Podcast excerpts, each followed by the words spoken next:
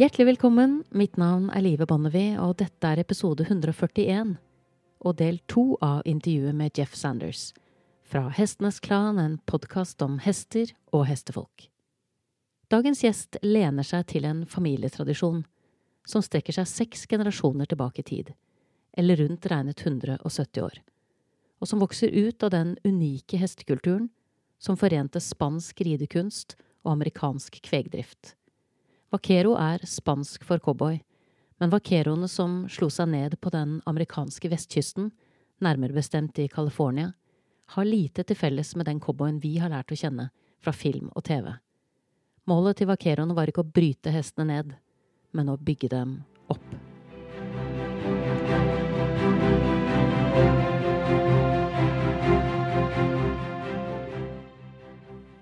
Du vil møte mange trenere på din vei som lærer folk hvordan de skal ri og håndtere hestene sine, men ikke mange som vet hvordan man bygger en balansert, sterk og smidig hest fra bunnen av. En brukshest som også er en allsidig og smidig partner, som er i stand til å takle det meste som blir kastet i hans retning. Alle ønsker vi et partnerskap med hesten, men som alle relasjoner krever også relasjonen til hesten et nivå av forpliktelse, tålmodighet og vedvarende engasjement. Det er lett å bli distrahert av andre ting, og ikke minst av andre mennesker, og hva de tenker om både håndtering og ridning. For vi lærer jo gjennom observasjon, påpeker Jeff. Og dersom du har med hesten din på en stall hvor det er et konkurranserettet miljø, så er det vanskelig å ikke la seg påvirke til en viss grad. Og dessverre er det slik at vi ikke alltid utvikler oss i en god retning basert på det vi observerer. Noen ganger kan det også slå den andre veien. Jeff eksemplifiserer dette med en elev han hadde, som han møtte igjen et år senere.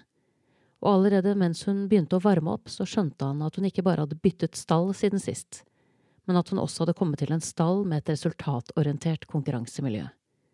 Dynamikken mellom henne og hesten var radikalt endret, uten at hun selv hadde merket det. Det handlet plutselig mer om å perfeksjonere visse øvelser enn å fokusere på at hesten skulle sikres trening som styrket holdbarheten, helsen og relasjonen, også på sikt. For som med enhver annen relasjon så krever også relasjonen til hesten en vedvarende innsats. Ingen relasjoner kommer gratis. Det er hardt arbeid. Men når relasjoner er på sitt beste, så er de fantastiske. Og disse øyeblikkene veier opp alle utfordringene vi møter underveis, i form av motgang, hodebry og nederlag. Reisen mot en god relasjon med en hest kan være en vanskelig reise, men det er først og fremst en livslang erfaring med utforsking, læring og mulighet for vekst for hest og menneske. På denne reisen så kan det være lett å glemme at hesten ikke tenker som oss, ikke kommuniserer som oss, og ikke ser og sanser verden som oss. Og sist, men ikke minst, kan det være lett å glemme at hesten har en helt annen balanse enn oss. Vår balanse er vertikal, Hestens balanse er horisontal. Som Jeff understreker, så er det hans oppgave å sørge for at hans sete stemmer overens med det hesten gjør, og at hans balanse matcher hestens balanse. Hesten skal aldri måtte kompensere for at jeg er i ubalanse, sier Jeff. Det er min jobb å følge hestens balanse, ikke hestens jobb å følge min. Det krever en stor grad av kroppsbevissthet og kroppsbeherskelse fra rytterens side. To elementer Jeff trekker fram for å belyse hva han snakker om, er at mange ryttere har en tilbøyelighet til å se ned mens de rir, noe som for oss knapt er noe vi merker eller tenker over, men som likevel gjør tydelig utslag for hesten. Med et hode som veier rundt 10% av kroppsvekten vår, så er det ikke uten betydning for hestens balanse om vi ser rett frem eller rett ned. Jeff nevner også de negative utslagene de gir dersom rytteren rir med hælene presset ned. Det skaper ikke bare spenninger i beinet, det gjør oss også mindre balanserte i salen. Ingen andre situasjoner, der vi skal holde balansen eller gjøre noe atletisk, ville vi noensinne valgt å legge vekten på hælen. Det er ikke der vi holder balansen. Den holder vi med fremfoten. Se for deg en danser som balanserer på hælen. Det er ikke et enkelt bilde å ha i hodet, og det er fordi vi aldri balanserer på hælen når vi danser. Å være i stand til å føre hesten i den dansen vi strekker oss etter, krever mye av oss. For ikke bare velger vi hesten, og dermed må vi også ta ansvar for at kjemien stemmer.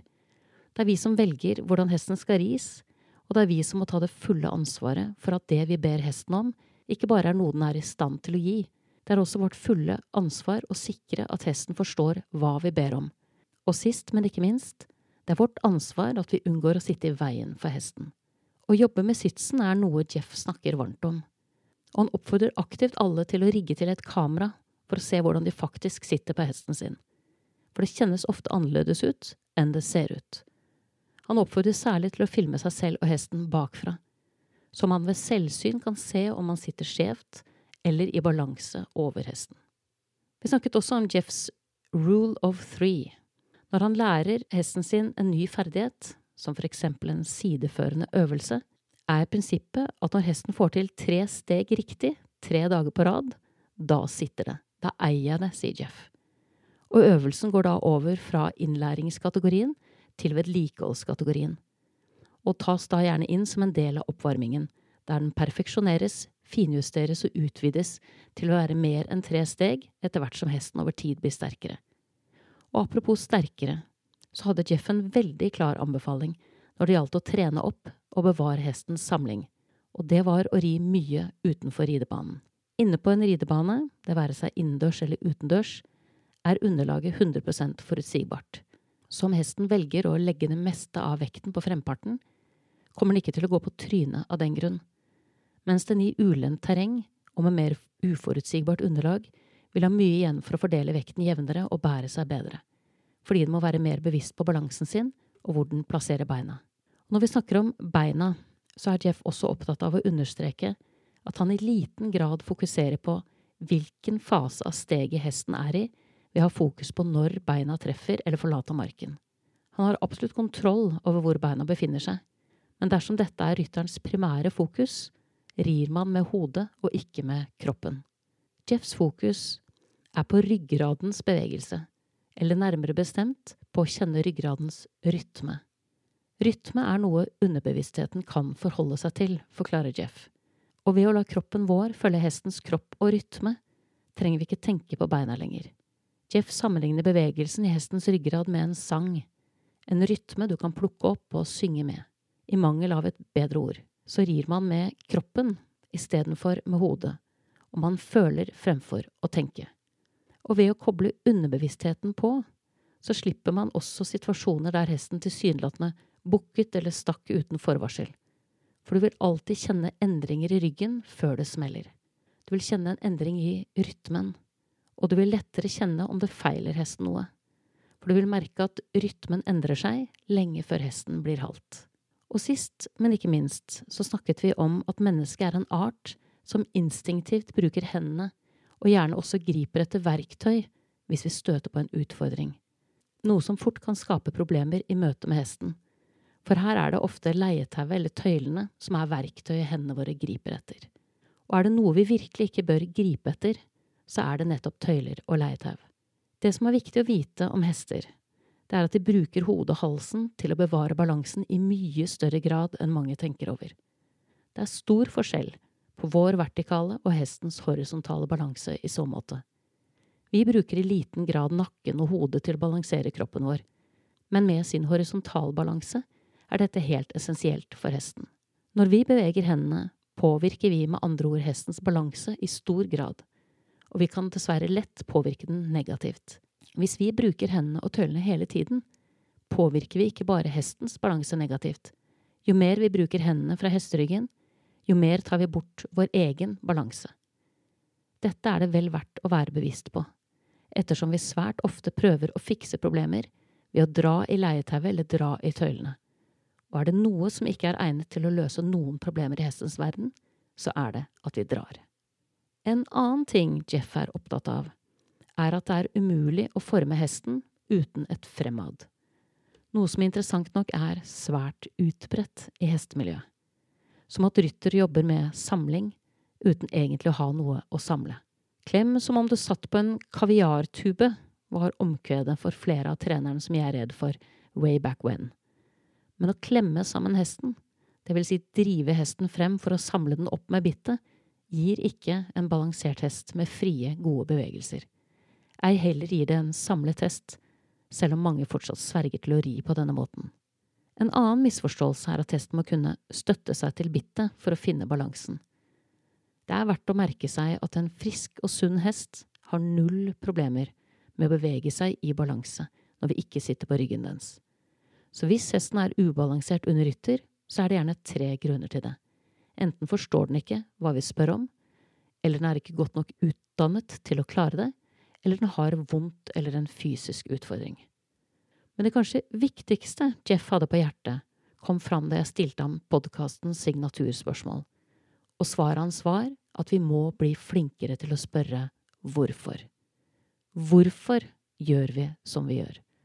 Og hvorfor gjør vi det akkurat på denne måten? Og svaret bør være fordi det styrker hestens helse og forbedrer kommunikasjonen vår. Spørsmålet hvorfor kan aldri besvares med fordi treneren min sa det, eller fordi alle de andre på stallen gjør det, eller fordi jeg skal vinne en rosett eller en pokal til helgen. De svarene er ikke gode nok. Hestene våre fortjener bedre, sier Jeff. Og hvis svaret på hvorfor ikke er egnet til å styrke hestens helse, ikke hjelper hesten til å utvikle seg bedre fysisk, mentalt eller følelsesmessig, da må man virkelig stille det spørsmålet en gang til. Etter alt hestene har gjort for oss opp gjennom historien, fortjener de at dette spørsmålet har et godt svar, sier Jeff. Ærlig talt, domestisering av hester er sannsynligvis den største bragden i vår historie.